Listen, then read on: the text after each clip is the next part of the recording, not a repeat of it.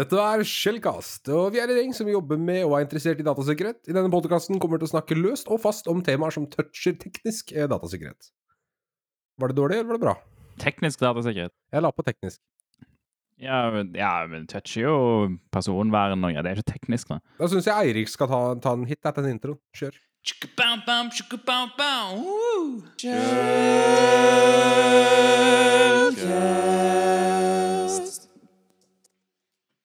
Dette er Shellcast, og vi er en gjeng som jobber med og er interessert i datasikkerhet. I denne podcasten kommer vi til å snakke løst og fast om temaer som toucher datasikkerhet. Jeg heter Melvin. Jeg jobber som penetrasjonstester i den private sektoren. Jeg heter Eirik, og jobber som penetrasjonstester i eh, privat sektor og er veldig glad i jegergryte. Jeg er Vetle. Jeg eh, jobber som pentester. Ja, jeg heter René og jobber med sikkerhet i en eh, ikke nevnt offentlig organisasjon. Så, så Eirik, uh, vi signa jo opp til en sånn handy-dandy lab Det gjorde vi. ikke sant, for lenge siden. Uh, Red Team Operations av Rastamouse by Zero Point Security, right? Am I right? Uh, det er jo for... Ja, altså, right off the bat, jeg kan bare si med en gang, det her er en lab du burde ta. Hvis du er interessert i å enten utvikle deg som en red teamer, eller gå fra penetrasjonstesting til en red teamer. Uh, det er så vanvittig mye bra innhold i den laben. Det er det. Uh, nesten så jeg kaller det Bibelen, liksom. Det er, det er vilt. Ikke langt ifra. eh, Spesielt hvis man, eh, som du sa, Melvin, er interessert i red teaming og eller jobber med penetrasjonstesting. Um, Det er jo et kurs som er vinkla litt inn for å være måte nybegynnervennlig eh, for folk som, som, som ja, vil over på red teaming, og kanskje ikke nødvendigvis helt vet hva det innebærer. Um, Det er jo også et kurs som på en måte kanskje tar litt litt høyde for at du har litt mer teknisk eh, kunnskap og kjennskap til, til verktøy og bl.a. Uh, C2-infrastruktur, eh, altså command and control, eh, fordi det spiller mye på det. Eh, det er også en av de tingene som jeg kanskje syns har vært eh, det kuleste med, med kurset, er jo at det nå også har gått over til å fokusere på, på Cobalt Strike. eh, fordi det er såpass mange bedrifter som, eh, som bruker det kurset her for å lære opp eh, ansatte. Så bare sånn for å spesifisere det, da, så er det ikke, ikke sant, i, Hvis du sammenligner dette med Labsa fra Hack the Box, f.eks., der du bare blir sluppet inn i et subnett eller tre og får beskjed om å liksom bare get, get det av, uh, så er dette veldig annerledes. Akkurat lab-delen av RTO guider deg egentlig gjennom alt sammen med moduler. Holder deg i hånda, mater deg med teskje, kall det hva du vil. Uh, men jeg er enig med deg, Erik. Jeg ville absolutt legge vekt på at jeg ville hatt fair, decent kjennskap med C2-rammeverk fra før. Akkurat eh, Lab-delen går jo gjennom eksempler med både Cobalt og Covenant. Eh, hvis du gjør det med Covenant, så kan jeg nesten si med en gang at du kommer til å ha masse eh, hva skal jeg si, morsom feilsøking. Eh, for Covenant er versjon 0,6. Det er fortsatt alfa, pre-alfa nesten. Og det er ikke alt som er Ja. Så hvis du, hvis du, hvis du har en Cobalt-lisens, eller du kan spørre om en Cobalt trial, hvis du har grunnlag for å spørre om det, så gjør det. Laben kommer til å være breeze eh, sammenligna hvis, hvis du hadde gjort det med et med for eksempel Covenant. da. Personlig så gjorde jeg det med en blanding av både Covenant og Porsche. Jeg er jo veldig fan av Porsche C2. Eh, hvis du ikke er kjent med det, så er det et eh, Python-basert C2 fra Nettitude Labs i England. Uh, og det er veldig fokusert på red teaming, så de har masse OPSEC-safe moduler som de manuelt har gått gjennom og bekrefta. De har uh, funksjonalitet for å eksportere ferdige rapporter fra loggene til Porsche C2. Generelt er bare, i hvert fall nå med den siste oppdateringen, som adder en del features, bare helt nydelig. Det er jo også et godt, eller en, en god lab for å bli litt mer eh, klimatisert, vil jeg vel si, til sånne type verktøy. Og i forhold til eh, f.eks. penetration testing professional fra, fra eLearn Security, eh, og kanskje også OSCP, eh, så fokuserer det jo mer på, på måte, det å gjøre deg litt mer profesjonell inn mot sånn type red teaming, eh, bak infrastruktur, det å kunne ja, være en implant operator, eh, om man kan si det sånn. Altså være personen som styrer og kontrollerer eh, litt sånn eh, command and control-funksjoner. Det er jo? Det er jo en god diskusjon, da. Skal man ta OCP, eller skal man ta RTO? Jeg ville vel si at RTO, uten å ha tatt OCP, da, så, så ta det med et klype salt, jeg ville vel kanskje si at RTO er et par hakk over? Går det an å si det? Er du enig i det, Erik? Absolutt, det vil jeg si. Eh, Det er jo ikke for å snakke så mye stygt om OCP, det føler jeg gjør nok eh, ellers. eh, men eh, det er jo definitivt, eh, definitivt et tak over med tanke på Altså, spiller veldig mye på Active Directory, spiller veldig mye på det å kunne bruke C2-rammeverk, eh, DLL injections, det å kunne kjøre litt C-kode og ja, implants på den måten. Men hvem er det som driver det? Hvilket selskap, liksom? Det er et britisk selskap som heter Zero Point Security. Eh, Det er det garantert ingen som har hørt om, eh, men det er, eh, det er altså Daniel Duggan, som er bedre kjent på internett som Rastamouse. Han er jo en ganske legendarisk person i hvert fall Red Team og penetrasjonstester-miljøer, og er vel kanskje mest kjent for den prolaben på, på Hackthebox eh, som heter Rastalabs. Ah, ja, OK. Ja, da gjør ingen en bjelle. Han er jo absolutt medium kjent i infosec-miljøet, vil jeg påstå å si. Som, eh, han har jo basically pionert eh, AMSI bypassing sånn i forhold til C-sharp, sammen med Adam, XBN, som, eh, som nylig gikk over til Trusted Sec. Eh, wow, what a catch, sier jeg bare. Fra begge to. Transition. Apropos red teaming, Eirik. Uh, hadde ikke du denne gleden av å være på en physical for ikke så altfor lenge siden? Jo, det hadde jeg absolutt. Det var da meg og en kollega som har vært med på podkasten her eh, tidligere, uh, Tobias. Uh, Vi jobber jo i privat sektor som penetrasjonstestere og, og, og red-teamere, som man kan så pent kalle det. Vi var i et nordisk land og gjorde en eh, fysisk penetrasjonstest av en butikkjede. Jeg kan selvfølgelig ikke gå så veldig mye nærmere inn på det, men eh, det var en test som, eh, som tok for seg både altså, fysisk sikkerhet i, i butikken og sikring av produktene de selger. Det er altså satt opp på demonettverk og gjestenettverk etc., som, som kunder kan, kan interacte med. Eh, og så selvfølgelig også da nettverk og point of sales, altså kassesystemsikkerhet i, i den butikken. Eh, vi hadde da faktisk eh, presentasjon for de i dag, eh, som gikk ganske bra. Det var veldig gøy, og, veldig gøy å se reaksjoner og ja, hva skal man si? Eh, lange blikk over Teams når man eh, eh, forhåpentligvis imponerer og også skremmer eh, de ansvarlige både nettverk- og sikkerhetsarkitekter der på, på hva man fikk til. Så det vil jeg si var en uh, suksess, og, og, og veldig gøy. Det var min, uh, min første sånn type fysiske test. Har jo gjort en del uh, eh, hva skal man si, eh, eksterne og remote eh, red team og eksterne penetrasjonstester, men eh, det er altså den første hvor vi istedenfor å få kunden til å fysisk eh, plugge inn en eh, plugge inn en såkalt implant eller rogue device for oss, og, altså at vi shipper det ut til de, så, så var vi der eh, fysisk på, på lokasjon selv og, og gjorde alle disse tingene. Og snek oss litt rundt og lata som at vi hørte hjemme. Så god opplevelse. Absolutt. Men eh, da må jeg spørre, Eirik. Du hadde sikkert en formening av hva du gikk til, og så kanskje ble litt annerledes, ble det likt, eller har du liksom noen, noen oppsummering egentlig fra physical? For jeg har aldri vært på eller Unlucky me. Eh, tanker? Jeg syns det, eh, det var veldig gøy. Det var også selvfølgelig litt, eh, litt skremmende. Man eh, går jo inn og sikter seg inn for å lure godtroende folk som er på jobb, og rett og slett bare gjør jobben sin. Og så kommer du der og selvfølgelig også bare skal gjøre min jobb, eller din jobb, men mye av det er jo selvfølgelig da å lure mennesker og late som at du hører hjemme på, på deres arbeidsplass, som eh, selvfølgelig satt litt rart sånn i begynnelsen, men eh, eh, det gikk også fort over, selvfølgelig, og var veldig gøy. Selv om man kjenner jo absolutt på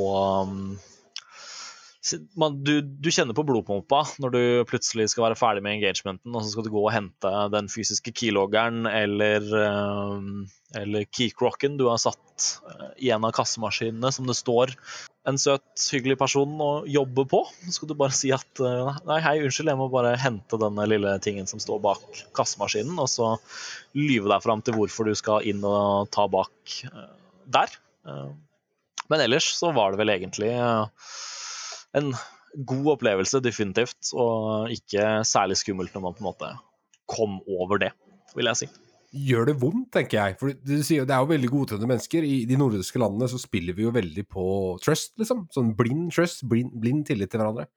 Gjør det, gjør det vondt når du liksom eh, ljuger til Securitas-vakta som kommer bort, eller ljuger til dama i kassa som lurer på hvorfor du plugger i den for å lade mobilen din, eller whatever? Kort svar der er vel nei, egentlig. Fordi man eh, veldig fort eh, innser at man bare er der for å gjøre, gjøre en jobb. Og uh, da, sett alt det ende, så, så er man jo også der for å gjøre deres jobb og deres stilling og deres bedrift sikrere. Eh, selv om man selvfølgelig må tråkke på noen tær eller lure noen eh, der og da, så, så er det jo eh, for det beste in the end, vil jeg si. Stone Cold Eric. Overgang. Ja, Jeg vet ikke engang hvor jeg skal starte når vi kommer inn på dette med hjemmekontor eh, og, og oppsekk. Det er jo definitivt en av de problemstillingene som kanskje vi, vi snakker mest om på min side, som da sitter litt, litt mer blått plassert bak bordet enn det vår venn Eirik eh, gjør. Jeg tror kanskje det vi har sett mest, eller som vi har endt opp med å måtte diskutere mest, eh, banalt som det er i, i 2020, er faktisk det her med å passe på å oppdatere ting. Jeg er fortsatt ekstremt overraska over hvor mange personer der ute som ikke vet hvordan de oppdaterer mobiltelefoner eller apper eller ja, operativsystemer engang. Det, det overrasker meg. Uh, I tillegg så vi jo, har vi jo sett en del uh, problemer nå med at folk tenker at det er helt greit å installere sånn som kryptomining eller andre litt sånne eh, små eksentriske ting på jobblaptoper. Noe som da definitivt eh, poker et par høl i det vi kan si er, er oppsekk. Nei, altså, jeg føler, jeg føler ikke at folk burde trenge å kunne oppdatere devicene sine. Det er ikke noe Altså, hvis, hvis, hvis du skal ha alt du har i hjemmet ditt, må liksom oppdateres, føler jeg det blir jævla mye for folk som ikke er interessert i IT. De er interessert i å ha ting, altså telefoner og dritt. Men det begynner å bli et sånn nødvendighet i livet å ha en telefon eller ha en eh, PC og sånt. Og jeg, og jeg syns ikke at det burde være folks ansvar å oppdatere det, det burde gjøre det helt sjøl. Ja, der har jeg også et, et, et spørsmål. Um, hvordan, hvordan, håndterer dere det på en måte der i, uh, i, offentlig sektor? Er det sånn at folk er ansvarlig for å oppdatere tingene sine selv nå på, på koronahjemmekontor, eller er det styres dette lokalt fra, eller sentralt fra, fra IT? Så det, det, er jo det som er litt sånn eh, spesielt. Skulle, jeg skulle gjerne likt å si det at jo, men selvfølgelig, vi har et sentralsystem hvor alt oppdateres eh, og, og, og, sånt. Men så er det jo det at vi har jo en del avvikende devicer. De fleste, alle som, som sitter på hjemmekontor hos oss, har jo selvfølgelig maskiner som, som er underlagt et regime hos oss, og som får oppdateringer. Og det tror jeg veldig mange som vil kjenne seg igjen i. At de har eh, Windows-klienter og sånt som får automatisk pusha updates osv. Men så har vi alle disse utenforstående devicene. Det er veldig mange som har mobiltelefoner og nettbrett og den type ting, som man gjerne får fra arbeidsgiver, som ikke er like lett å implementere i et sånt regime. Og da har man plutselig en hel haug med sikkerhetshull som kanskje blir brukt til eh, møtevirksomhet, f.eks. Jeg vet det er veldig mange som bruker Microsoft Teams i, i, i offentlig sektor. Og det er jo eh, en, en plattform som du kan ha på Android og på IOS-devicer og på laptoper og stasjonære av, med forskjellige typer operativsystemer. Og ikke alle de er like lett å, å, å kontrollere under f.eks. Eh, et eh, Microsoft og Vesus-regime. Eh, jeg tenker jo sånn eh, ja, eh, oppdatere ting. Jeg er ok flink på det, men hvis du spør meg når jeg oppdaterte ruteren min sist, f.eks., firmware på ruteren, eller firmware på IP-kameraet jeg har i garasjen. Når gjorde jeg det? Jeg føler jo også vi selv, selv som driver med Infosec, er, kan jo være dårlige på det. Det er ikke bare skal si, Randi på 45 eller Oddvar på 60 som, som ikke gidder å klikke oppdate på Samsung eller Apple-telefonen sin, som er dårlig på det. Så det er, det er, noe som går igjen, egentlig. Ganske, ganske ille. Men folk burde jo i utgangspunktet ikke ha noe valg, tenker jeg. Der er jeg litt enig med Vetle. At først og fremst så er det jo forståelig at uh, Ola Nordmann ikke bryr seg om det og ikke har lyst til å gjøre det, men sånn i bedriftsmessig sett så er jeg veldig glad i policyer som, som, som bare tvinger oppdateringene ut fra et sentralt sentralsystem ut til brukerne. Og så får du rett og slett ikke noe, noe valg om du vil installere de eller ikke. Det bare går via Software Center eller hva slags eh, MDM-løsning man har der, og så må du bare restarte, rett og slett. Jeg syns det er interessant du nevnte det, dere nevner det her med, med teknikere og være late på oppdateringer og sånt nå. Og det er faktisk en av de tingene som jeg ser mer enn noe annet. For jeg syns at de dumme klientene mine, om jeg skal kalle det sånn, nå vil jeg si unnskyld til alle disse såkalte dumme klientene mine, de som ikke på en måte føler seg bekvemme i den tekniske sfæren. Da. Det er egentlig de som er det største problemet eh, hos oss, eller som vi ser rundt omkring eh, i, i offentlig sektor. Og det er nettopp det at de tror at de har god nok eh, forståelse for hva det er som foregår, og så roter de mobiltelefoner f.eks., eller eh, f.eks. mitt hjemmenettverk. Eh, en av mine rutere der har jo custom firmware som oppdateres iblant. Nå har jeg vært eh, veldig opptatt av å prøve å finne gode oppdateringer og sånt noe til den, men det ikke, det leveres ikke patcher og sånt noe til den type firmware eller eh, operativsystemer nødvendigvis like ofte som vi kanskje burde se dem. Folk som ikke kjenner til hvordan, eh, hvordan oppdateringer funker, eller bare som ikke kjenner til IT, har ingenting med å gjøre å drive og ta oppdateringer seinere i hermetegn, eller, eller droppe oppdateringer fordi at eh, telefonen blir treigere, eller whatever. Hvis du, ikke, hvis du ikke er interessert i å, i, å, i å skjønne hvordan det tekniske funker, så er det heller ingen du, du skjønner ikke, Det er ikke noe vits i å sitte og, og delaye oppdateringer heller. Det er mange som gjør det. At de er sånn «Å, 'Nei, men jeg har hørt at den nye oppdateringen gjør ting treigere.' Og så er det sånn, OK, men skal du, skal du heller ha ransomware på telefonen din? Er det det du er ute etter, liksom? Hvis folk slutter å oppdatere telefonene sine pga. sånne småfeil, så kommer vi til å få ransomware på telefoner. Sant? Hvis det blir enkelt å jailbreak, remote jailbreak en iPhone, I swear to you, det kommer til å komme ransomware. Men hvor mange av disse vet i det hele tatt hva, hva ransomware er, og hvorfor skulle det treffe deres telefon? Det skjer jo aldri med de. Ah, ikke sant. At, that's the whole issue. Folk, uh, folk, er, folk er interessert i liksom å, å ha kontroll. De er interessert i å ha kontroll over ting, men de vet ikke hva de har kontroll over. Det der er et veldig interessant tema, og jeg skal, jeg skal tviste litt på det. Men uh, hvis vi snakker om f.eks. modenheten til veldig mange store selskaper i Norge, når det kommer til sånne ting som, ting som red teaming, eller fra utside til innside penetrasjonstesting uten et sånt veldig strengt definert scope, uh, hvor mange av de finnes det? Uh, ikke veldig mange. Og jeg tror jo veldig mye av den grunnen er eh, som følge av at når norske selskaper, eller nordiske for den saks skyld, har en breach, da blir utsatt for ransomware og mister dataen sin, uh, og f.eks. betaler, uh, eller for så vidt ikke gjør det, så blir det nesten aldri fortalt om. Det er veldig få, sikkert en pros, nesten en promille av de som blir utsatt for slike angrep, som faktisk går ut og sier det. Hydro er et kongeeksempel på noen som gjorde det. Visma òg endte opp med å gjøre det. De blir jo for så vidt ikke utsatt for noe ransomware, men de hadde jo også en data breach. Og jeg tror det er derfor veldig mange av disse selskapene i Norge tror at det, er, vi, er, vi er safe, vi trenger ikke dette, eller ikke legger noe bry med det, fordi det er så lite publisitet og informasjon rundt det som går, for det er ingen som går ut med det. Og det er en sånn ond sirkel. Vi ble, vi ble hacka, vi hadde en data breach, vi ble, eh, vi ble utsatt for ransomware. Vi betaler dem og holder kjeft om det, fordi til en viss grad så kan vi tenke oss at det, eller bevise da, at personlig informasjon ikke er lekket, derfor må vi ikke disclose det som følge av GDPR. Og så kan vi bare liksom glemme det. Og da tror alle andre norske selskaper som aldri hører om det her, at ting er bra. Jeg tror også at en del av problemet, i hvert fall i, i Norge, er det at det, veldig mange selskaper har en sånn holdning om at vi, vi gjør noe når noe har skjedd, og så for, eh, for, forbereder man seg heller bare på det at ja, men vi patcher problemet når vi ser at det oppstår, framfor å ha en litt mer sånn proaktiv holdning som man har sett uh, utbredt uh, litt rundt omkring i verden. Uh, og jeg tror nok at på et eller annet tidspunkt så vil vi komme, komme oss litt nærmere proaktiv holdning og få flere sånne team sånn som det Eirik og, og, og Tobias sitter i. Hvor vi faktisk kan få en mer sånn holdning om å gjøre noe før det skjer. Eh, det er jo ikke lenge siden, jeg tror det er knapt nok en uke siden, at jeg fikk den holdningen bekrefta fra, fra en av mine sjefer. At jo, vi har hatt det er en sånn holdning som man har slitt med lenge. Og at det da i den, eh, den delen som jeg sitter i, plutselig har en utfordring. For vi prøver prøve å overbevise disse som har sittet på systemer i, i 10-20 år kanskje, og hatt en holdning om at jo, men vi patcher når vi ser at det skjer noe, og så trenger vi ikke bry oss så veldig mye, for det skjer ikke så veldig mye. Vi ser ingenting, på en måte.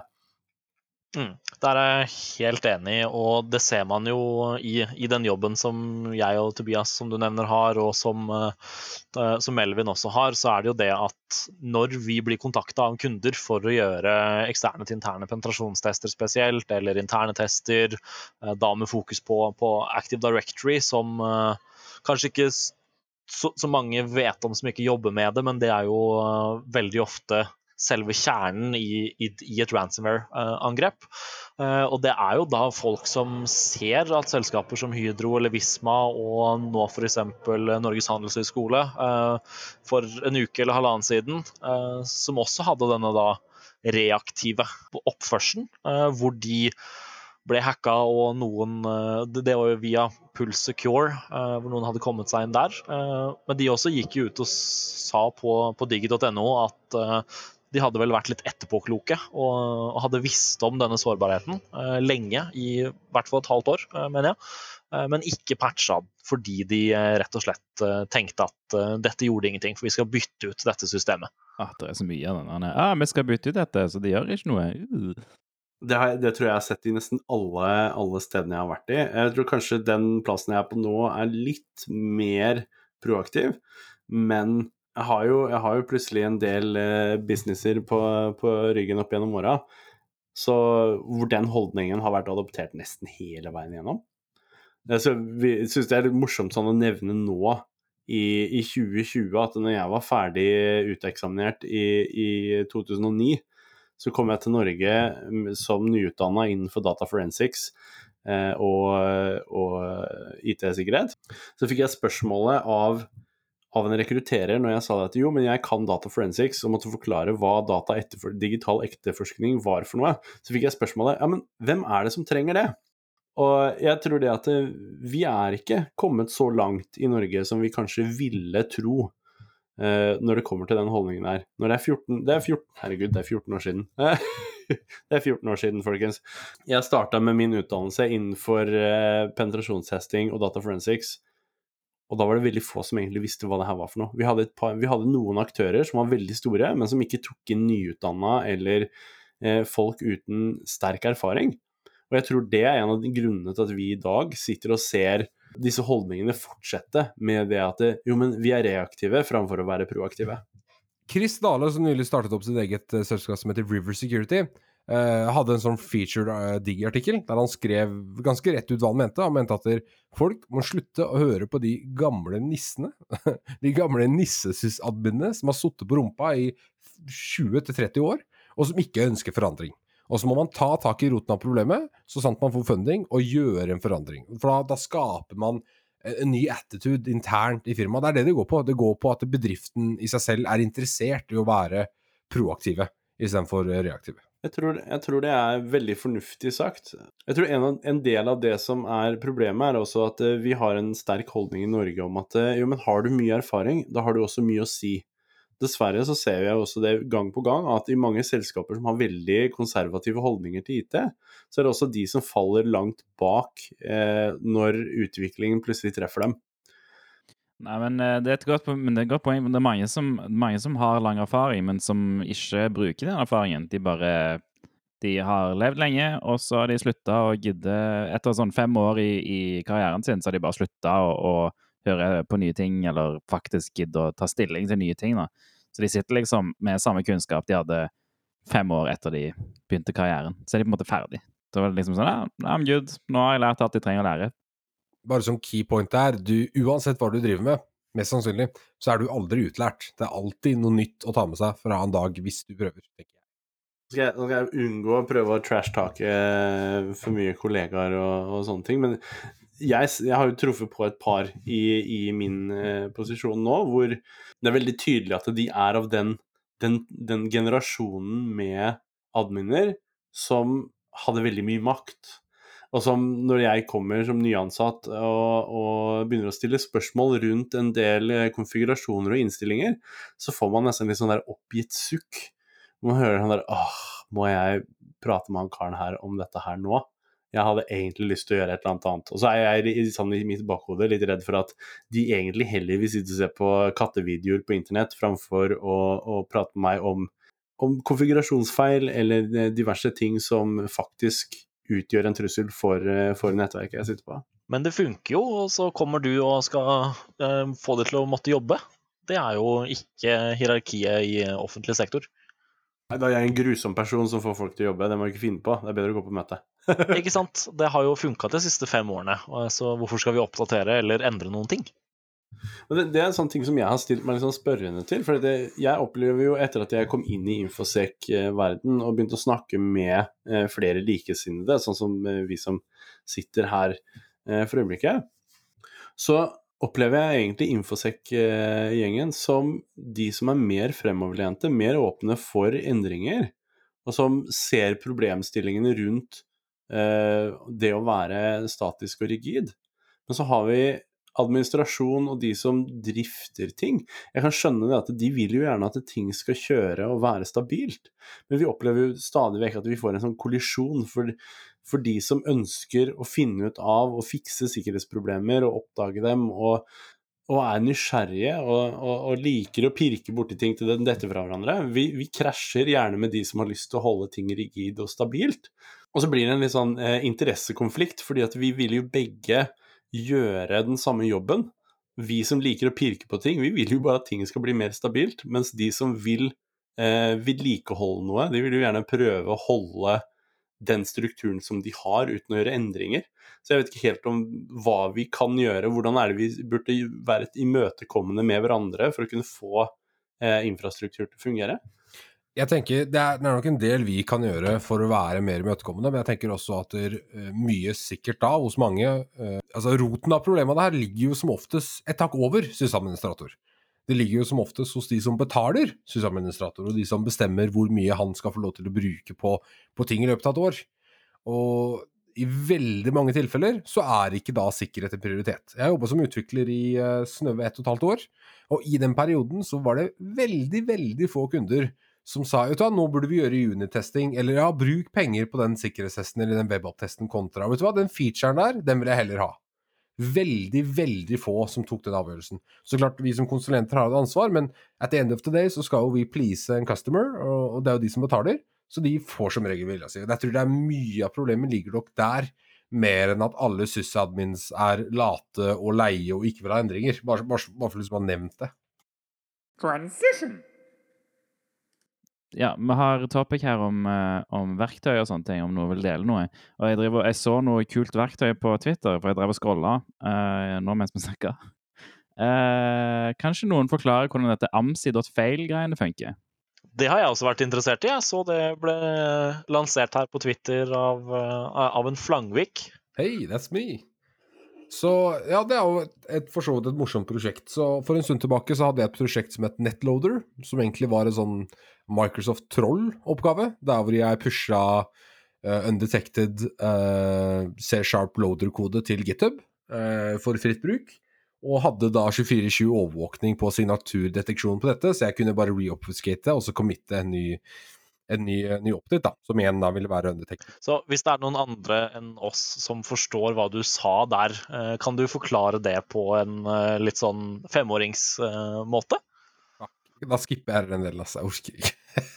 Men OK, jo AmsiFail er egentlig et veldig morsomt prosjekt. Det, det er egentlig det, det, startet egentlig med et impulskjøp. Jeg kjøpte amsi.fail-domenet for hele 35 dollar i året uh, på, fra Nameship. Og det det gjør, er egentlig Det spør en backend om en snippet av PowerShell-kode som disabler eller breaker AMSI Uh, uh, anti-malware scan interface i den eksisterende prosessen.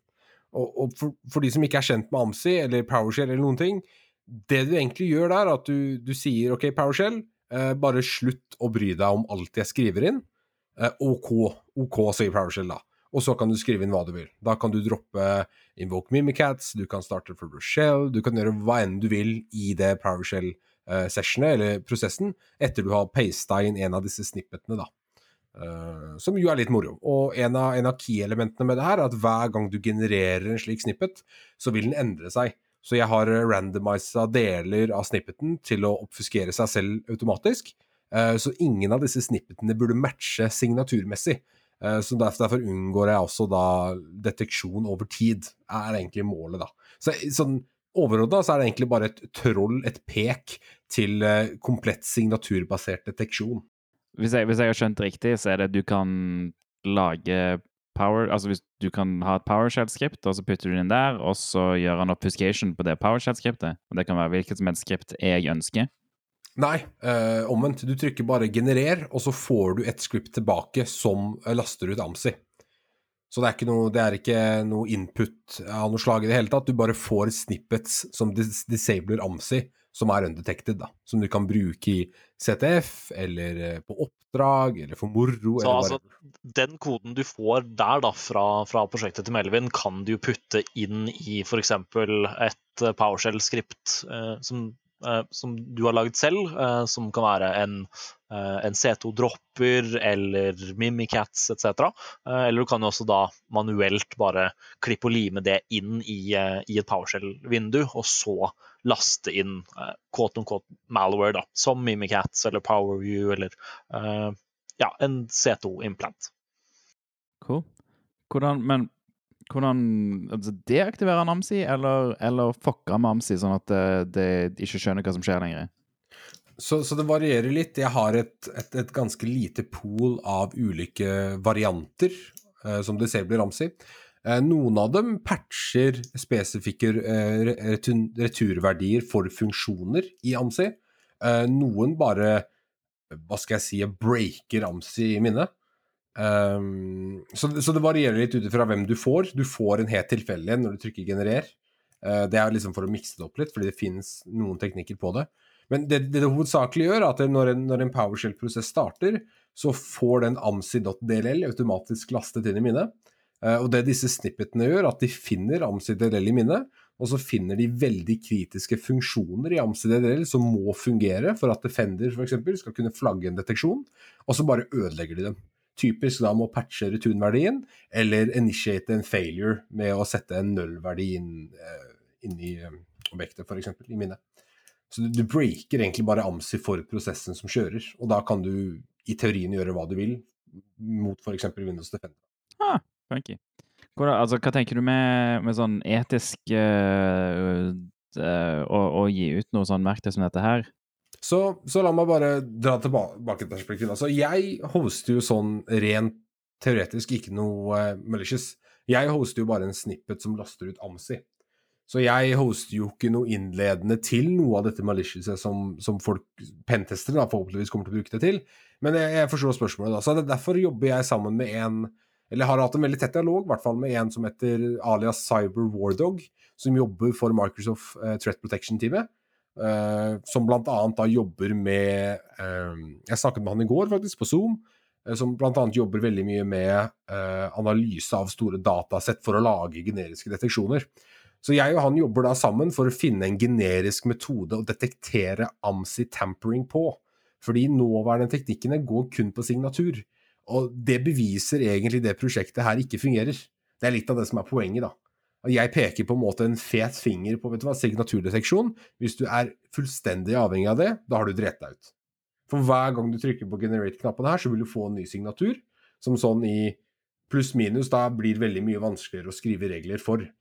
Det er derfor jeg kontakta Cyber Wardog. Jeg hadde en dialog med han tidligere også, så jeg tok opp den dialogen igjen nå og spurte hei, kan ikke du eh, ved hjelp av det jeg gir deg, prøve å skrive en generisk regel for det her?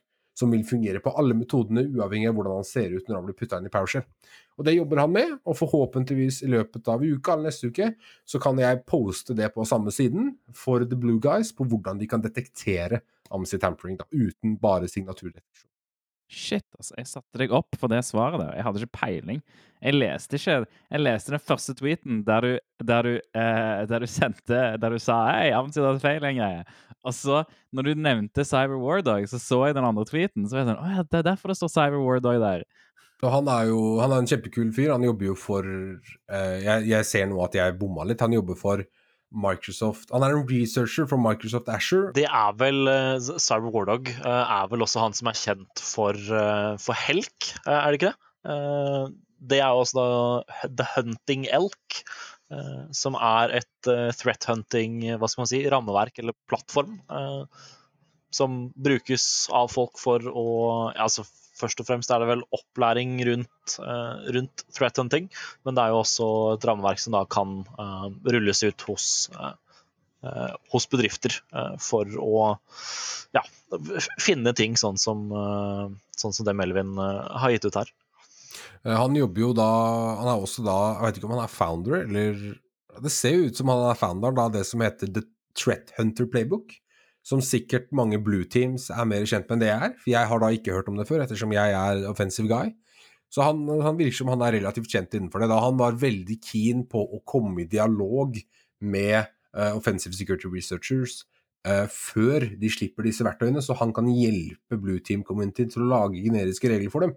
Noe som jeg absolutt syns er en worthy cause, da. Ehm, og som jeg har hatt i baktanken når jeg slapp det her, så han har fått en relativt god forvarsel på hva som kom ut, hvordan det er gjort, og hva han kan gjøre for å lage generiske deteksjoner. Da. Så det er veldig artig å ikke bare slippe offensive tools, men også hjelpe de, de blue teamsa som bryr seg, og som har ressurser til å, til å i hvert fall uh, blokkere det. Ja, for det er jo en sånn ting som jeg ser uh, som definitivt mer skremmende eh, etter at jeg mm, plutselig havna i en sånn blue team-situasjon, er hvor mange av de verktøyene som, som man opererer med, som bruker 10-15 år gammel teknologi, kanskje i noen tilfeller enda eldre teknologi, på å prøve å detektere eh, nye former for malware eller eh, Eller inn, eh, mista jeg hvilket ord jeg skulle bruke. Eh, holdt på å bruke svensk ord for å si inntrong, men det blir litt feil. Men jeg syns jo det er en veldig interessant topic du lener inn på der. Fordi eh, er det noe som eh, ofte grinds my gears, så er det jo hvor, hvor på en måte teknisk cutting edge eh, vi penetrasjonstestere og red-teamere og i det hele tatt sikkerhetsfolk liker å være. Eh, men for de som følger med på mitere, eller de som eh, har en RSS-feed med på en måte eh, breach og angrepsnyheter, eh, så ser man jo akkurat det du sier der, René, med at de aller fleste store breaches eh, er ikke pga. cutting edge-ting og sånn. Det bruker eh, verktøy og rammeverk, og da altså, si spesielt PowerShell da, fortsatt. Eh, der vet jeg at Melvin, du har definitivt noen meninger også, er jo det at eh, de fleste bedriftene som som vi ser, spesielt da de litt mindre, eh, mindre aktørene rundt omkring, eh, de har jo eh, fak faktisk fortsatt ikke god beskyttelse eller på en måte logging i det hele tatt rundt, eh, rundt selv PowerShell. Da. Og så sitter man i en eh, infosec og Pentest og Red Team-verden hvor alle nesten sitter og fniser på nesa av det jo i det hele tatt, eh, det å i det hele tatt bruke PowerShell. Men følger man med på de fleste breaches og ransomware sånn, så, så ser man jo at det er faktisk det de aller fleste store APT-er fortsatt bruker i dag. Fordi de ikke trenger å rett og slett liksom burne sin nye uh, fully undetectable type payload.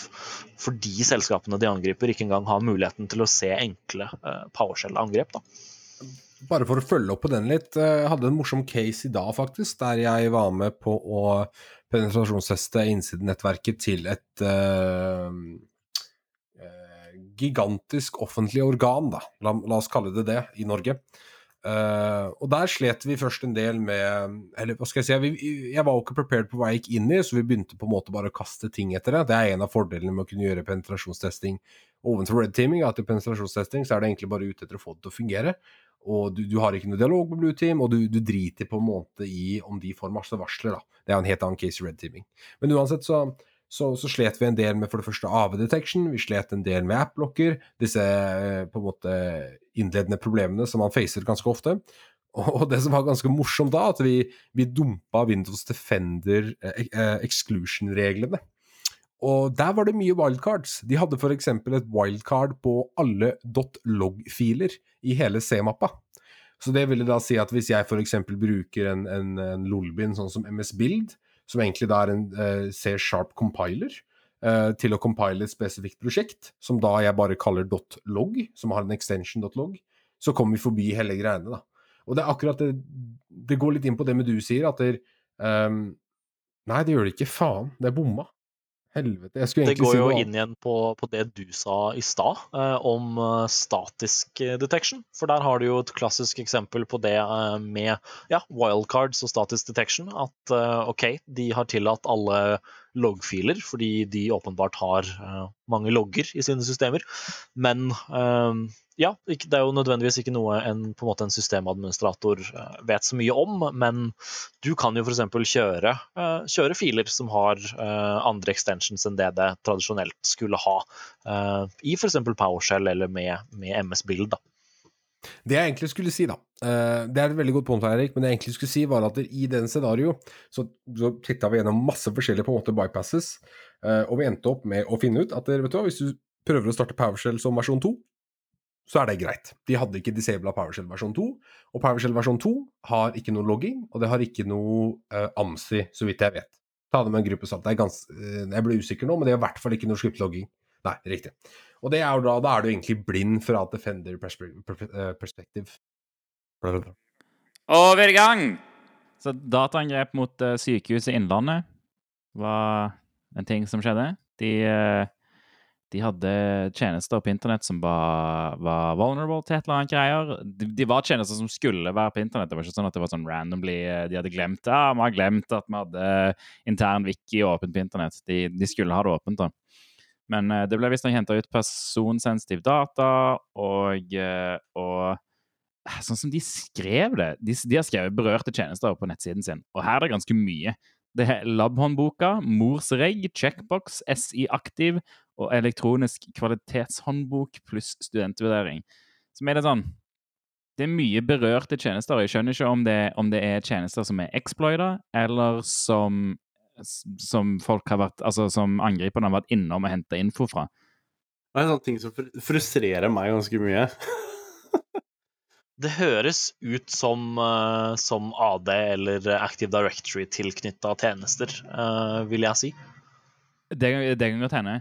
Her kan jeg se for meg at de kanskje har hatt en altså Uten at jeg har noe særlig innblikk i dette, uh, men i tidligere bakgrunn som, som systemadministrator for en hva skal man si, større tjenesteleverandør eh, i Norge, eh, hvor vi hadde flere helsekunder, eh, så var mange av disse tjenestene og ingen av disse tjenestene du nevner nå, faktisk, men, men altså lignende typer journaltjenester eh, tilknytta AD-brukerne til, til, da leger og miljøterapeuter og sosialarbeidere etc. Så kan det ha vært eh, RDP på, på, internett, kan det ha vært noe VPN-tjeneste. Eh, jeg kan jo se for meg at de aller fleste av disse hva skal man si, offentlige helsetjenestene og regioner og sånn bruker Active Directory og sikkert har den samme brukeren for å gjøre det enkelt for, for brukerne sine på kryss og tvers av, av, systemer. Så jeg vet ikke om det er noen som har noe type innsideinfo på dette, men kan det ha vært AD-credentials som har blitt lekka, eller noen type RDP eller VPN eller noe sånt?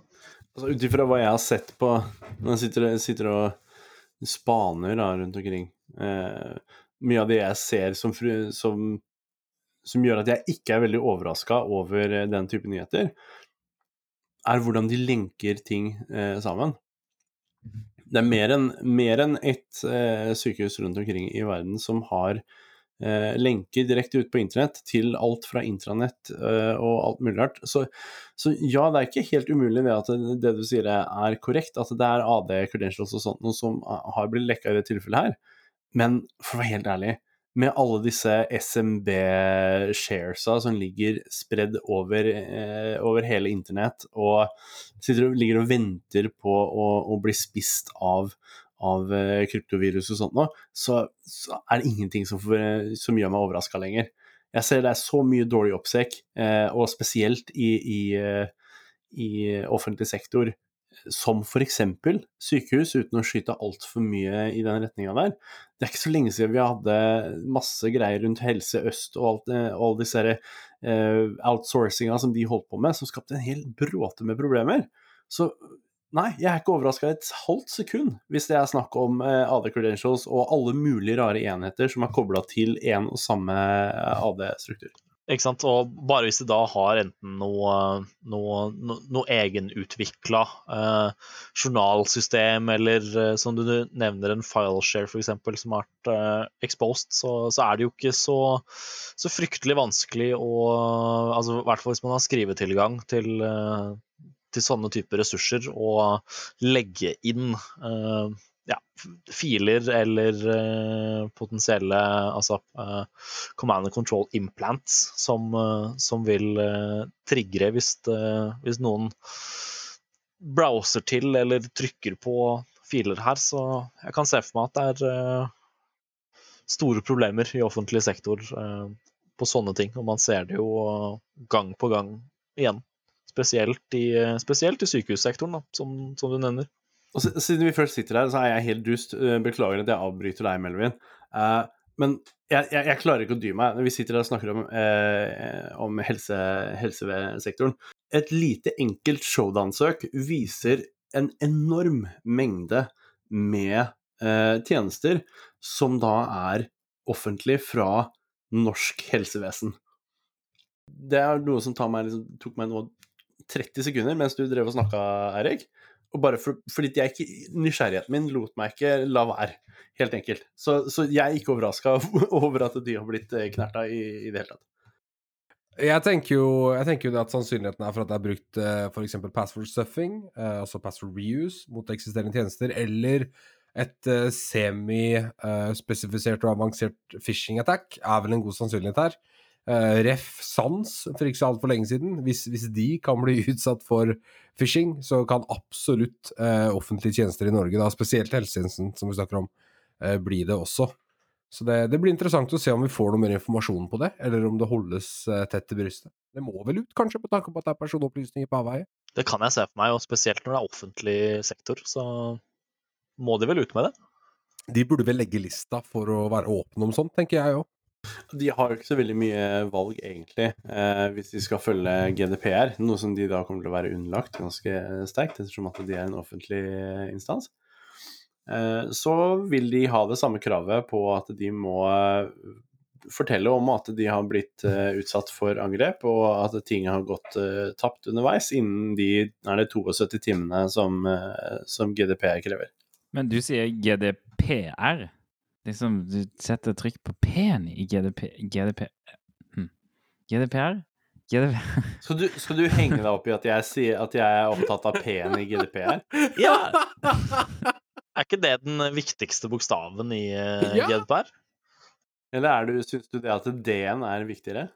Nei, jeg er litt sånn Jeg vil alle bokstavene som er nøytrale. GDPR. GDPR. GDPR. Det, er ikke, det, er ikke, alle som er like nøytrale. Jeg er ikke så nøytral, jeg. Jeg er ganske sånn partisk på P. Fair enough. Men jeg vil kommentere på navnet til en av de berørte tjenestene uh, til, til Sykehus Innlandet, som er morsregg. Som er innmelding av dødsfall fra Sykehus Innlandet og fra begravelsesbyrå. Men hæ?! Innmelding av dødsfall fra Sykehuset Innlandet og fra begravelsesbyrå? Sa du mor som i altså mamma, eller så du mordsregg? For hvis det er innmel... Nei, mors Morsregg! Men det er innmelding av dødsfall? Kan du si det på engelsk? Jeg skjønner ikke med den, den dialekten. Hva er det du sier? Mors Morsregg! Da, da skjønner jeg. Men jeg, men jeg synes det er gøy hvordan de har beskrevet det. Det står 'innmelding av dødsfall fra Sykehuset Innlandet og fra begravelsesbyrå'. Hvor mange begravelsesbyråer er det som innmelder dødsfall? Jeg trodde ikke, jeg tror ikke de kunne gjøre det. Nei, det, da er jo spørsmålet hvem kontakter Altså, Hvis noen i nær familie dør, hvem er det som kontakter begravelsesbyrået først?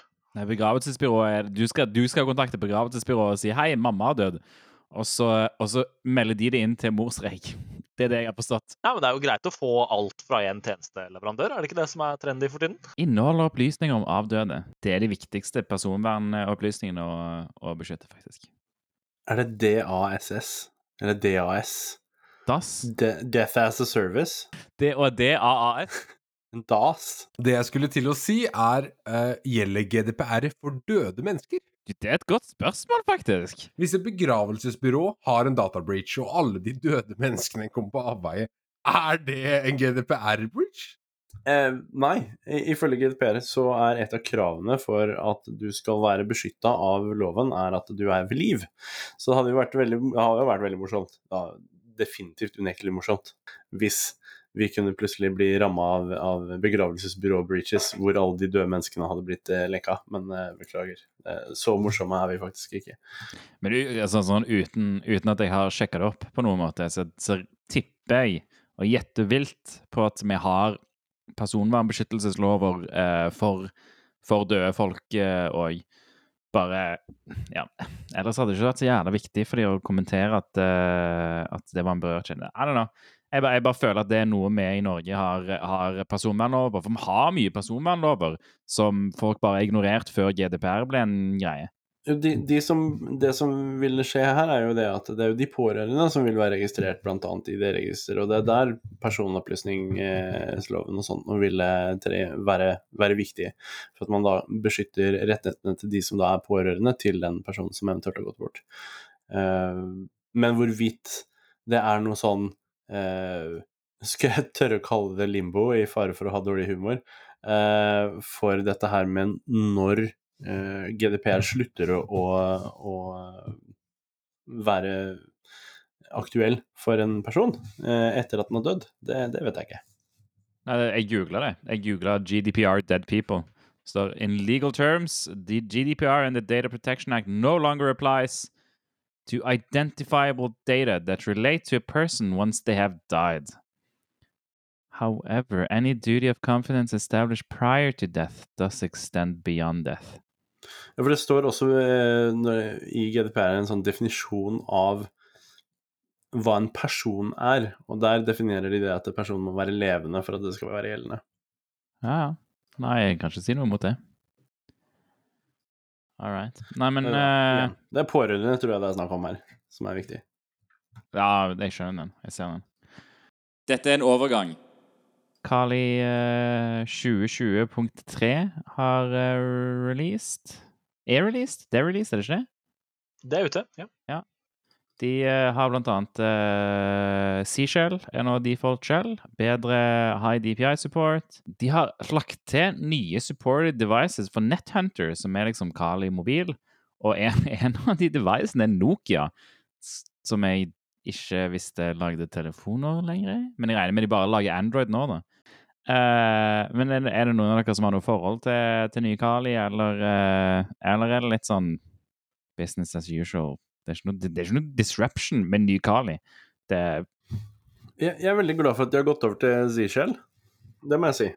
Uh, Jeg er jo virkelig ikke glad for det. Eh, Jeg kjører jo Altså Om, om man skal dra fram det profesjonelle penetrasjonstester-kortet her, så syns jeg det er veldig kjipt, egentlig, at de skal drive og endre på, på, på verktøy man bruker i jobben, og er vant til at ser og fungerer eh, på én måte. Og Og synes, nå syns jeg også skal, det er viktig at vi tar med det her i, i rollen at eh, Seashell har eksistert ganske lenge, og Bash var strengt tatt utdatert for mer enn ti år siden.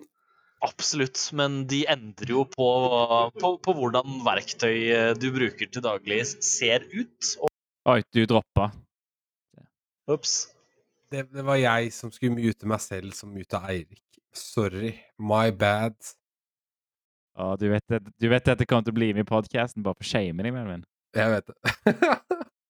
Nei, jeg, jeg, jeg føler jo at det er litt, eh, litt, eh, litt rart og på en måte litt kjipt at de er så villige til å gjøre så store endringer uh, i, i et verktøy som er uh, på en måte livsbrødsnødvendig for så mange. Og det er jo i hvert, fall som en stor på en måte ikke-fan, vil jeg si, av hvordan Seashell ser ut.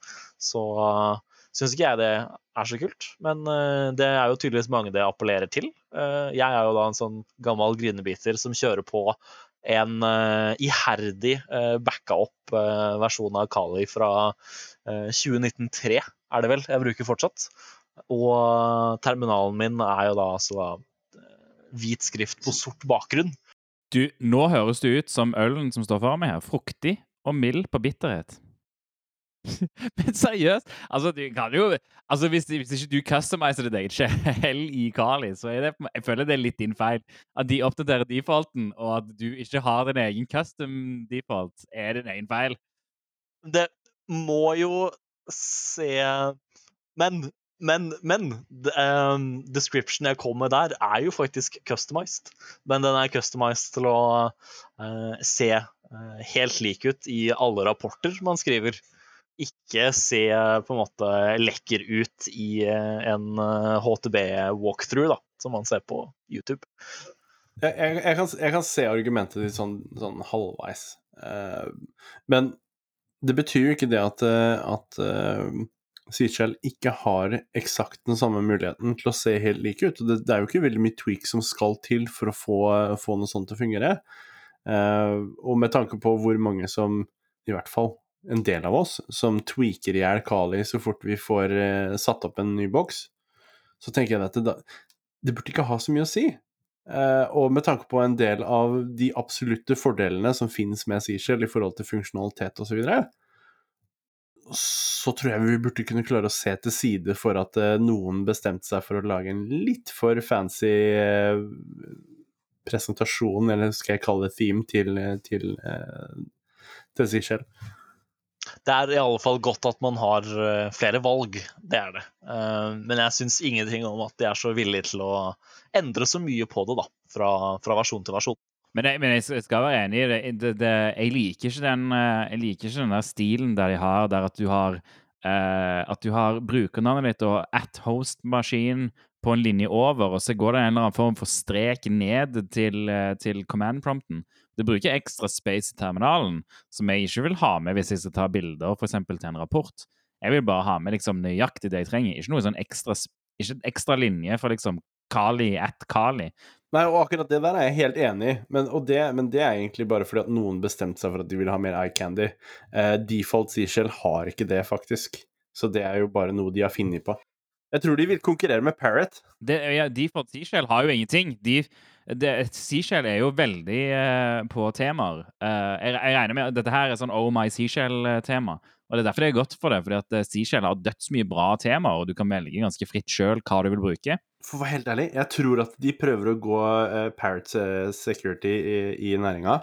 Jeg tror de så det at det var en del eh, sånne, skal jeg kalle eh, hipstere, som, som hoppa på Parrot security fordi at den så fresh ut, mens uh, Kali kanskje har litt mer bak på arsenalet sitt, da.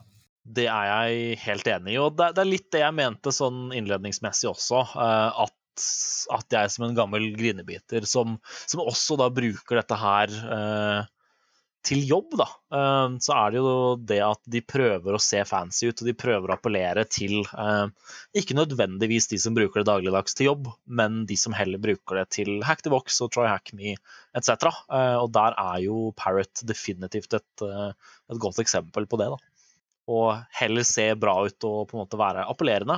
Og selvfølgelig, det er jo en stor brukergruppe, og selvfølgelig man skal jo trekke inn eh, andre generasjoner og, og sånn, men, eh, men igjen, jeg syns det er litt eh, på en måte kjipt av de å endre så mye på en måte på verktøy som folk bruker til daglig, også da profesjonelt. Jo, men jeg, men, men jeg har vurdert om jeg, bare, om jeg skal slutte å bruke Kali i det hele tatt. For jeg, jeg ser ikke helt 100% vitsen med å bruke Kali. I hvert fall ikke når de driver med sånne svære endringer. Eh, sånn, for de, de gjør mye sånn random endringer, sånn temaendringer, og eh, de, de, legger, de legger til mye rare ting som, som jeg føler er litt sånn unødvendig, og, og som er det Ja.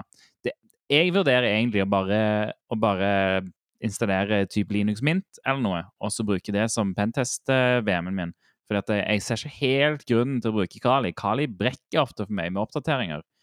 Og da er det egentlig bedre å bare bruke en stabil Linux-versjon eh, der jeg installerer de tingene jeg trenger. Da skal du absolutt ikke nevne Linux Mint hvis du skal snakke om en, lin en stabil Linux-distribusjon. Å ja, ja nei, nei, jeg nevner Linux Mint fordi at det var det en kollega uh, gjorde. Han, han gikk bort fra Kali sikkert nå til Linux Mint, og så tenkte jeg at ah, det var en god idé. Det burde... Men det er jo mye gode distro, da. Jeg, jeg ser poenget ditt, da. Det jeg skulle si, er at man upgrader ikke Kali. Eh, hallo, da, da ødelegger man Kali. Det, det, dette er noen, tenker jeg. det er jo sant. Hvis, hvis du tør å gjøre det før en, eh, før en engagement, da, som penetrasjonstester eller red teamer, så plutselig så sitter du der, og så sitter du ute hos kunden eller eh, har en implant, eh, og så blir du tvunget til å måtte kjøre en update på kryss og tvers av nettverket deres, og så gjør Kali eh, 700 DNS requests til kali.org, eh, og da blir du busta. Da sitter Blue Team og ler av deg. Jo, men det, men det er noe av problemet mitt òg med Kali, at hver gang jeg oppdaterer, så, bare, så er det et eller annet som fucker seg i bakgrunnen. At noe ikke funker, eller at eh, Jeg har hatt problemer med at Kali bare ikke vil bute i det hele tatt. Så jeg er sånn, ah, ok, jeg vet jeg har gjort noe, men jeg vet ikke hva jeg har gjort for noe. Men altså, ja, som, som Eirik sier. eh, jeg oppgraderer ikke Kali-maskinen min hvis jeg har lyst til at den skal fungere. Altså Hvis du tenker på Kali, da, så er det da en Debian-basert uh, Unix-distro som bare er maks pakka med dependencies for veldig mange spesifikke tools. Altså, Hvis jeg installerer ting på Kali, så creater jeg et eget Python Ritual Environment bare for å ikke drepe alt annet applikasjoner som er av ting. Altså, Det er jo et clusterfuck av dependencies. Så, så nei, ikke oppgradert Kali. Det, det er tanken min. Det er jo akkurat det, men det som er problemet, er at det er så jævla, det, all Kali er så jævla rot at, eh, at du, du føler liksom at du, du ødelegger det med å installere helt vanlige ting. Det, det er jeg helt enig i. Jeg kjører jo Ubuntu selv, da. Så, så jeg har ikke så mye av den strugglen. Hvis jeg kjører Kali, så er det en VM der jeg har en snapshot og kan liksom reverte når alt går til hell. Ja, altså jeg tenker at det, det er en grunn til at vi, vi har lest eh, opp gjennom alle årene hvor de sier at eh, Kali er ikke en distribusjon som er bygd for å kjøre, den er jo bygd som et verktøy som du bruker for å nå et mål. Og den er jo definitivt mer ment for å kjøre på en USB-stick eller i en VM som du ruller tilbake eller gjør noe med, framfor å bruke det som et operativsystem. Så jeg vil vel si det at det er ikke riktig bruk av Kali dersom du setter deg ned og så installerer du det på maskinen din, og så tenker du at dette her skal fungere som min dagligdags eh, arbeidsmaskin eller, eller sånt noe. Eh, da er det definitivt mye bedre å gå for en, en stabil distribusjon. Og om jeg da skal begynne å peke mot mer stabile distribusjoner, så vil jeg vel si eh, enten en, en clean Debian eller eh, noe sånt som CentOS, hvis du er mer glad i, i Red Hat-typen jeg, jeg, sier det her for å være, for å være upartisk, da, men eh, jeg skal ikke skjule det at jeg er en Debian-person, så jeg ville vel heller, heller, gått for den siden. Men jeg vet det at det finnes mange der ute som er totalt uenig med meg i valg av distribusjon, og derfor sier jeg ja, men ok, da går du for noe som du, du veit er relativt stabilt, og CentOS kan jeg ikke si at det er ustabilt, med tanke på at de oppdaterer jo ikke pakkene sine på 100 jækla år. Er det fire generasjoner eller noe sånt før de gjør ny release? Ja, shots fired. Det, det er litt sånn som uh, Litt sånn som forholdet mitt. Jeg kan liksom ikke si at det er ustabilt, men oh, oh, oh, Forsikt, Forsiktig hvor du går der nå. Forsiktig nå. Oi, BRB. Nå kom hun faktisk inn. Og jeg skal på velkommen nå. Det blikket her Altså, hvis dere ikke hører noe fra meg i morgen, så call the police. Så jeg bare. Jeg er her for å informere om at dette er en overgang til neste tema. Nei, jeg, jeg, skal, jeg skal, fortelle dere om, uh, om BankID og Digi.no. For de har uh, På Digi.no så starta det en debatt uh, 14, 14. august. Det starta en debatt 14. august. Det var Solveig Schytz. Hun er en venstrepolitiker. Hun skrev at BankID er farligere enn du tror. Hun, hun, sa at BankID er farligere enn du tror, og de driver og diskuterer noen ny finansavtalelov, så det er derfor hun snakker om BankID. For at de, de skal drive og, og diskutere det. Eh, nøyaktig hva hun skrev, er ikke sånn dødsviktig. Men Vips, Vips svarer. Hanne Skjærnes, kommunikasjonssjefen i Vips, sier BankID er tryggere enn du tror. Eh, der hun forteller litt om hvorfor BankID er, er, er tryggere enn du tror. Der, der, hun sier at nei, men, men det går greit, og folk som mister bankideen sin, de er dumme. Sant? Og så uh, Ja, og så kommer Gry Nergård. Hun sier bankidé er ikke farlig, men å dele passordet til han er det. Og hun skriver det at hvis, det, hvis du driver og deler passordet til bankidé til noen, så er det du som er dum. Og hvis du mister pengene fordi at du du, uh, du, har delt passordet til noen, så er det du som må ta, uh, du må ta skylden for det. Hvorfor skal vi andre som ikke har gjort det, skal ta skylden for det og betale for det? Det er en typisk sånn økonom, Jeg føler det er en typisk sånn økonomgreie, der hun sier sånn ah, hvorfor skal, hvorfor skal de som betaler skatt, betale for at du er dum? Altså, vi er litt sånn vel eh, Altså, hvis noe skal være sikkert, så må vi alle på en måte pitche inn. Men så, så eh, kommer Per Toresheim. Han er profilert norsk eh, sikkerhetsfyr og snakker mye om passord. Han sier uh, som helhet er kanskje ikke BankID så sikker som man skulle tro. Og han forklarer mye om hvorfor det, hvorfor det er sånn. Der, uh, det er mye om uh, Ja, mye om BankID. Mye og mye om BankID. Uh, og så kommer Per Gunnar Hamsø. Han òg sier jo, BankID kan være farlig. Og, alt dette her Dette har skjedd de siste to ukene. Og, så, og, og alt jeg har sagt til nå, er debatter. Det er der folk har skrevet egne liksom, kronikker da, om det. Men på slutten av det hele så kommer det en, en digi.no-sak om, eh, om bedragerisak i Hedmark. Står BankID-brikker involvert i stor bedragerisak i Hedmark. Eh, der eh, ti, pers ti personer må møte i retten eh, på Hamar fordi at eh, ja, de har eh, visstnok uh, forsøkt å utføre bedragerier på over 60 millioner kroner. Så eh, det er jo litt opp til, opp til dere, da, om, eh, om dere syns BankID er, eh, er sikkert eller ei, da. I guess. Det visste ikke jeg for noe. Men eh, jeg skal bare si at der, ut av boksen, eh, uansett hvilken tjeneste du deler passordet ditt til, så, så, så er ikke det bra. Altså det har ingenting, bare sånn, Akkurat det argumentet der har ingenting med bank-ID spesifikt. Hvis jeg deler passordet mitt til Facebooken min, så er jeg også like fucked, på en måte, da. Ikke sant? Kanskje ikke like økonomisk, men det er heller ikke en god greie.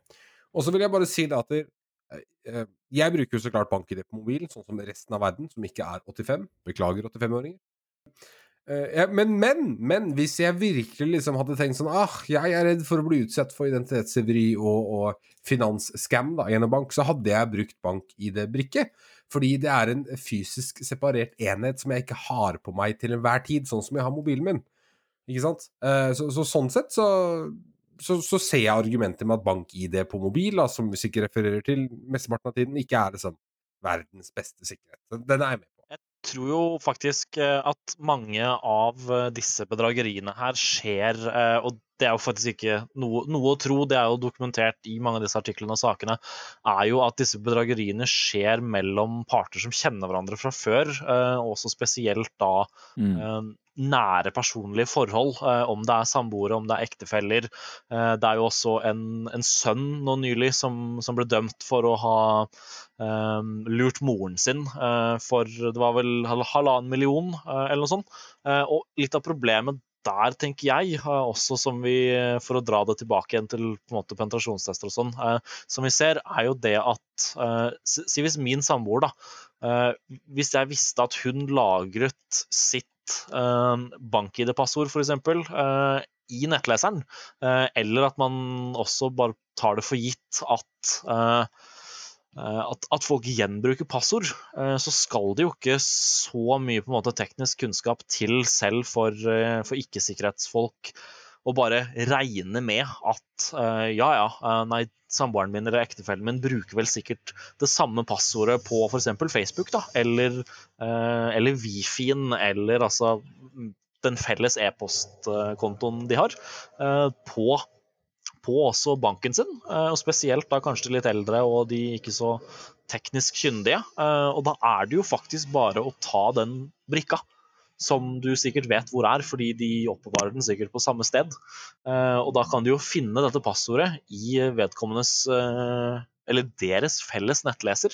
Og da gjør det jo det bare enklere at denne bank-ID-brikka faktisk er fysisk.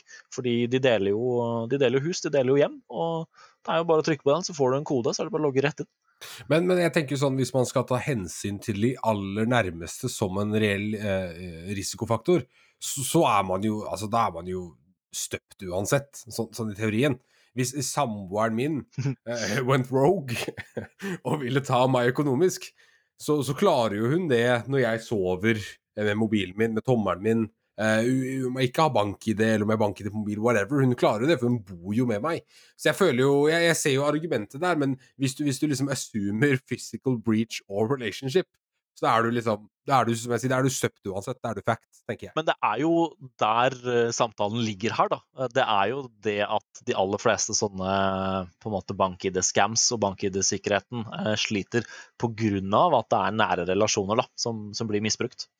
Men, men, men her tror jeg, eh, her tror jeg eh, pro- pro- problem, hoveds, hovedproblemet her ligger i at eh, bankene har ikke lyst til å betale tilbake igjen til kunder som blir, eh, blir svindla fra f.eks. ektefeller eller, eller ekskjærester eller sånne ting. De har ikke, og det er, det er mange, det er flere saker der, der bankene ikke betaler tilbake igjen, selv om, eh, selv om ekskjærester har blitt eh, dømt for, for å bruke deres identitet som bank-ID, f.eks. Så, så det er det som er problemet. At, og og bankene, bankene har ikke lyst til å måtte betale tilbake igjen hvis, hvis det skjer ting med kunders bank-ID. Så, eh, så, så det, hele debatten tror jeg egentlig går på at bankene prøver å unngå å, å betale tilbake igjen eh, hvis, hvis det skjer noe med kundene eh, som følge av bank-ID. Og, og alle reasonable personer har selvfølgelig lyst til at bankene skal betale tilbake igjen eh, hvis det skjer svindel, sånn som bankene hovedsakelig gjør. Det er, jo, det er jo vanlig hvis det skjer svindel på kortet ditt. Og, eh, altså, hvis du har et kort, og, og noen bruker det som ikke burde bruke det, så, banken, så betaler banken tilbake igjen da, til, til deg det, det som er svindla. Men, men her har de ikke lyst til det, og jeg tror det som er hovedproblemet. For alt dette, hele denne debatten starter med en ny finanslov. Så jeg tror det, det er den de prøver å skyte tilbake igjen på. Men alt dette her ender jo bare opp i digg.no, så jeg tror ikke det funker så veldig bra for, eh, for, eh, for bankene. Ikke at jeg, vet ikke hva den nye finansloven er. Jeg har, sett, jeg har ikke gjort så mye research på dette. Nei, jeg har heller ikke satt meg spesielt inn i akkurat det temaet her. Men, eh, men det er absolutt en interessant topic sånn i forhold til Jeg tenkte eh, vi kunne nesten bare gitt sånn fem topptips for, for, uh, på tegn på crazy samboere, da. Kanskje det er et godt sikkerhetstips, liksom? Hvis noen har noen erfaringer? Men det vil, det vil, det vil si, at uh, den første debatten eh, om bank... Den første, det første motsvaret på denne venstrepolitikeren som eh, eh, Det første motsvaret på Solveig Schytz sin debatt er fra VIPS. Og det jeg syns er eh, Det jeg er litt skeptisk til her, da, er hvorfor det er VIPS som svarer. For jeg føler, jeg føler dette er noe bankene prøver å jobbe mot, denne nye finansloven. Og VIPS i seg sjøl er ikke en bank men det var DNB før, så jeg føler grunnen til at det er VIPS som svarer nå, er for at vel, VIPS er ikke teknisk sett en bank, så de har jo ikke noe i hele denne debatten De har ikke noe personlig i denne debatten å gjøre, men jeg tror, jeg tror her det Men Vips er vel eid av eh, mange norske og europeiske eller nordiske banker? Ja, nøyaktig. Så jeg tror, jeg, tror det, jeg tror det er derfor de bruker Vips. Jeg tror de har, jeg tror de har gått til Vips og sagt hei, hei, eh, kanskje, dere, kanskje dere, noen av dere har skrevet en debatt om dette her, sånn at eh, det ser ut som om vi, vi gjør alt riktig, riktig, riktig. Ha-ha. Det kan jeg si som har jobba i, i lignende organisasjoner tidligere, hvor man kan si at det var en litt sånn skjev fordeling i forhold til interesse. Jeg skal litt kalle det interessekonflikt i forhold til noen eh, problemstillinger, hvor selskapet som jeg jobba i, var eid av noen av de største aktørene innenfor akkurat den eh, den type handel og virksomhet, da. Og der endte vi opp i veldig mange tilfeller å få litt sånne eh, skjeve beskjeder fra, fra toppledelsen om at vi skulle gå ut med, eh, med holdninger og ytringer som da ville, ville egne dem, da, på et eller annet nivå. Så det er absolutt ikke umulig at det er det som har skjedd i forhold til VIPS her.